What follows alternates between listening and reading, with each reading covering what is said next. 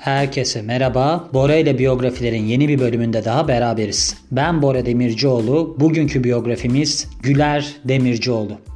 Güler Demircioğlu olmasının bir sebebi var. Çünkü aslında şu an kayıt yaparken yarın oluyor ama kendisi dinlediğinde bugün olacak. Yani 23 Aralık kendisinin doğum günü ve benim annem. İyi ki doğdun demek istiyorum buradan öncelikle. Peki dinleyenlerden bazıları şunu soracaktır. Ne alaka? Şöyle ben bu biyografi podcast'ini yaparken şöyle bir cümleyle yola çıktım. Bana ilham veren, ders veren kişilerin ya da grupların hikayelerini anlatacağım podcast.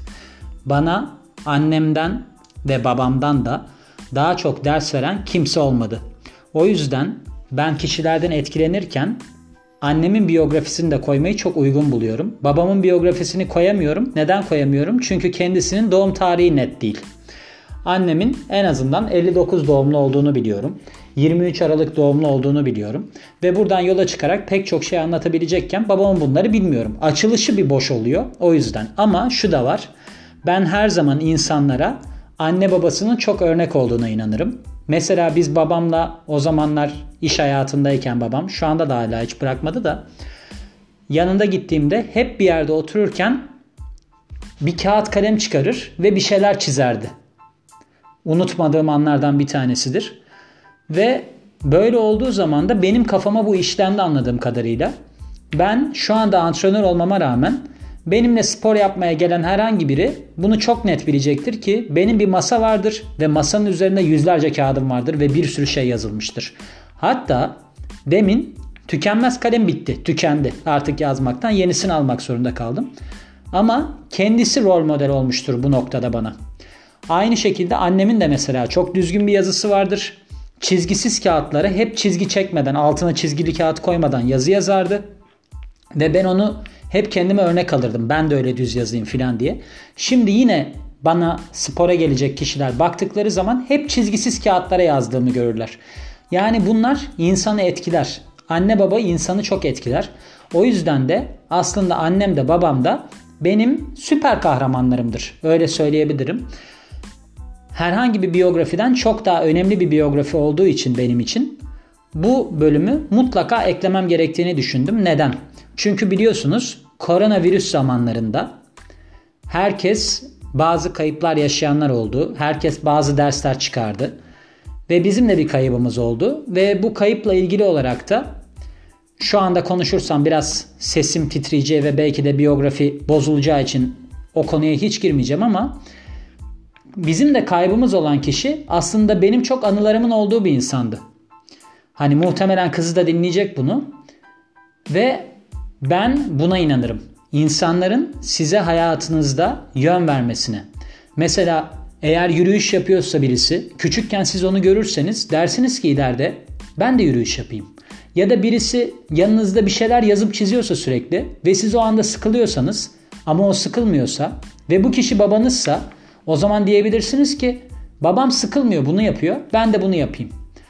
Anneniz mesela sizin şöyle bir insansa hiçbir zaman insanlara olumsuz yaklaşmayan, hep pozitif yönünü görmeye çalışan ama kendi duygularıyla da hareket ettiği için bazı noktalarda sorun yaşayan bir insansa siz de dersiniz ki ben de böyle bir insan olayım ama ben böyle sorunlar yaşamayayım.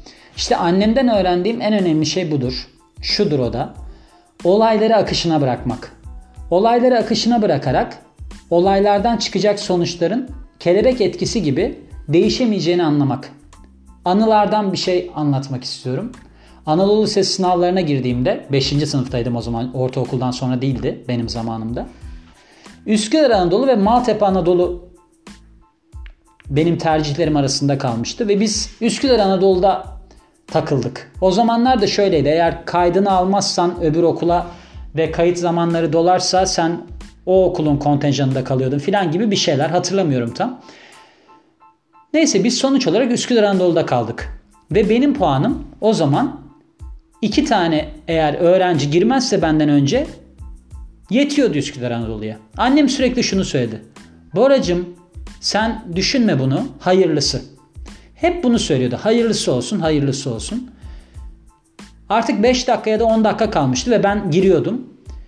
Dedim ki o anda ya dedim annemin evet hayırlı olsun dediği gerçekten de doğruymuş. Çünkü o Maltepe Anadolu'yu bilmiyorum ne olduğunu o sırada. Ama oraya giriyorum yani Üsküdar Anadolu'ya. Annem o kadar dedi dedi dedi. Sonra ne oldu biliyor musunuz? İkiz geldi. Aynı puanla. Benim puanım 267.271'di. Onların puanı 271 nokta bilmem kaçtı. 271'ini hatırlıyorum. Ve aynı puan almış iki çocuk.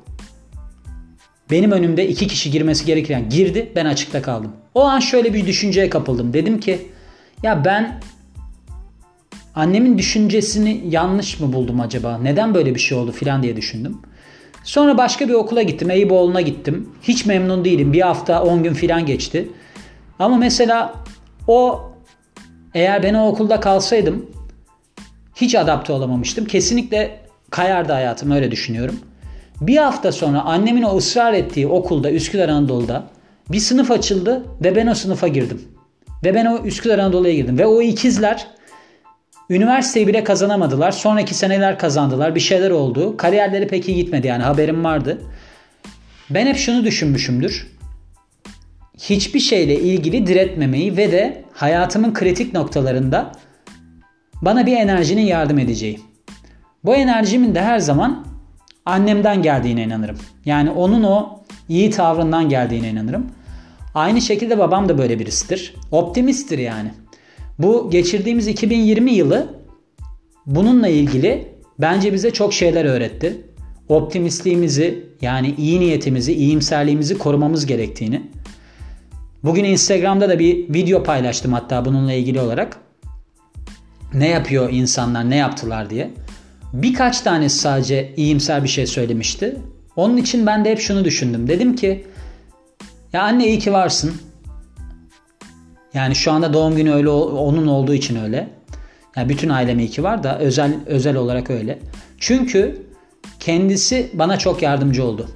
Nasıl yardımcı oldu? Annem mimar olmasına rağmen Mimar Sinan gibi Türkiye'nin en iyi mimarlık fakültelerinden birinden mezun olmasına rağmen sırf hayat düz bir çizgide gidebilsin diye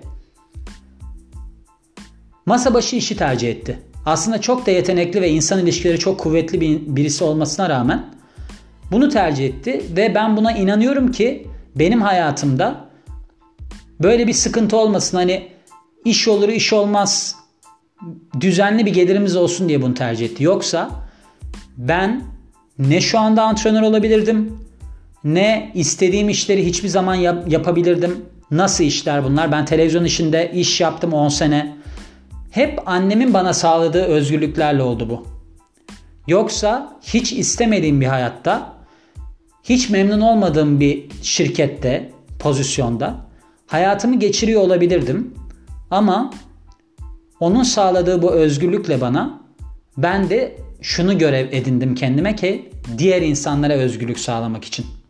Eğer ki elimde bir şey varsa diğer insanları iyi hale sokabilmek, onlara yardımcı olabilmek için kullanmaya. Çünkü ben annemden de babamdan da şunu öğrendim. Hiçbir zaman para önemli değil hayatta. Hayatta önemli olan şey sizin yaptıklarınız ve insanlara yardım etmeniz. Yani eğer ki bir insana yardım etmiyorsanız istediğiniz kadar paranız olabilir. Eğer ki pesimist birisiyseniz, her olaya olumsuz bakıyorsanız istediğiniz kadar zengin olun hiçbir zaman mutlu olamazsınız. İşte bu tabii ki olumsuzlukların da olabileceğini öğrendiğim bu hayatta her zaman annemin de babamın da bu teşvikiyle hareket ettim ben. O yüzden anneme buradan iyi ki doğdun diyorum. İyi ki varsın diyorum. İyi ki böyle bir biyografi podcast'i yapmışım da bunu bu bölümü sonsuza kadar saklayabileceğim. Umarım her şey gönlünce olur diyorum. Ve bu biyografiyi de böyle bitiriyorum. Yeni bir bölümde görüşmek üzere. Hoşçakalın.